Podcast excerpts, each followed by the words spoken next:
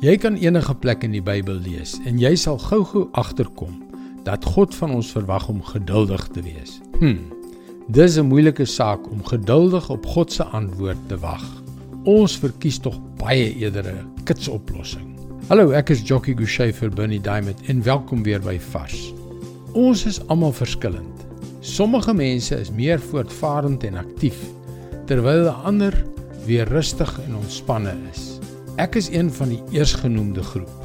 Daarom was die idee om te wag dat God dinge moet doen nog nooit vir my maklik nie. Jy verstaan mos, as jy 'n deurbraak nodig het, wil jy dit mos nou hê. Nie waar nie? As jy genesing nodig het of as jy probleme ondervind, wil jy nie wag vir God om dit volgende maand of selfs volgende week reg te maak nie.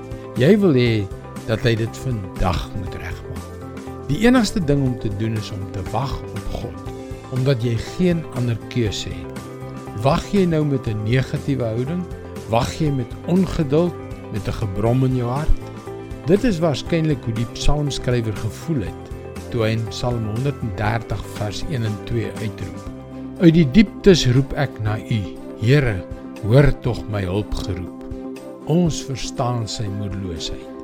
Maar net 'n paar verse later sê hy in Psalm 130 vers 5 en 6: Ek stel my vertroue in die Here. Ek vertrou op Hom. Ek wag op die vervulling van sy woord. Ek wag op die Here meer as wat die wagte op die môre wag. Wagte op die môre. Daardie woord wag beteken letterlik om met verwagting te wag, met hoop en met die vooruitsig op dit wat God gaan doen. Hoe kan die psalmskrywer daardie hoop hê? Omdat sy hoop in die woord van die Here is. 'n Woord wat lewendig en aktief is, wat vir ewig sal bestaan en nooit sal misluk nie. Wag geduldig op die vervulling van sy woord. Dit is God se woord vars vir jou vandag. Waarom laat God ons wag? Want soos enige goeie vader weet hy dat ons lesse moet leer lesse wat ons net kan leer terwyl ons wag en vertrou. Lesse wat net 'n Vader ons kan leer.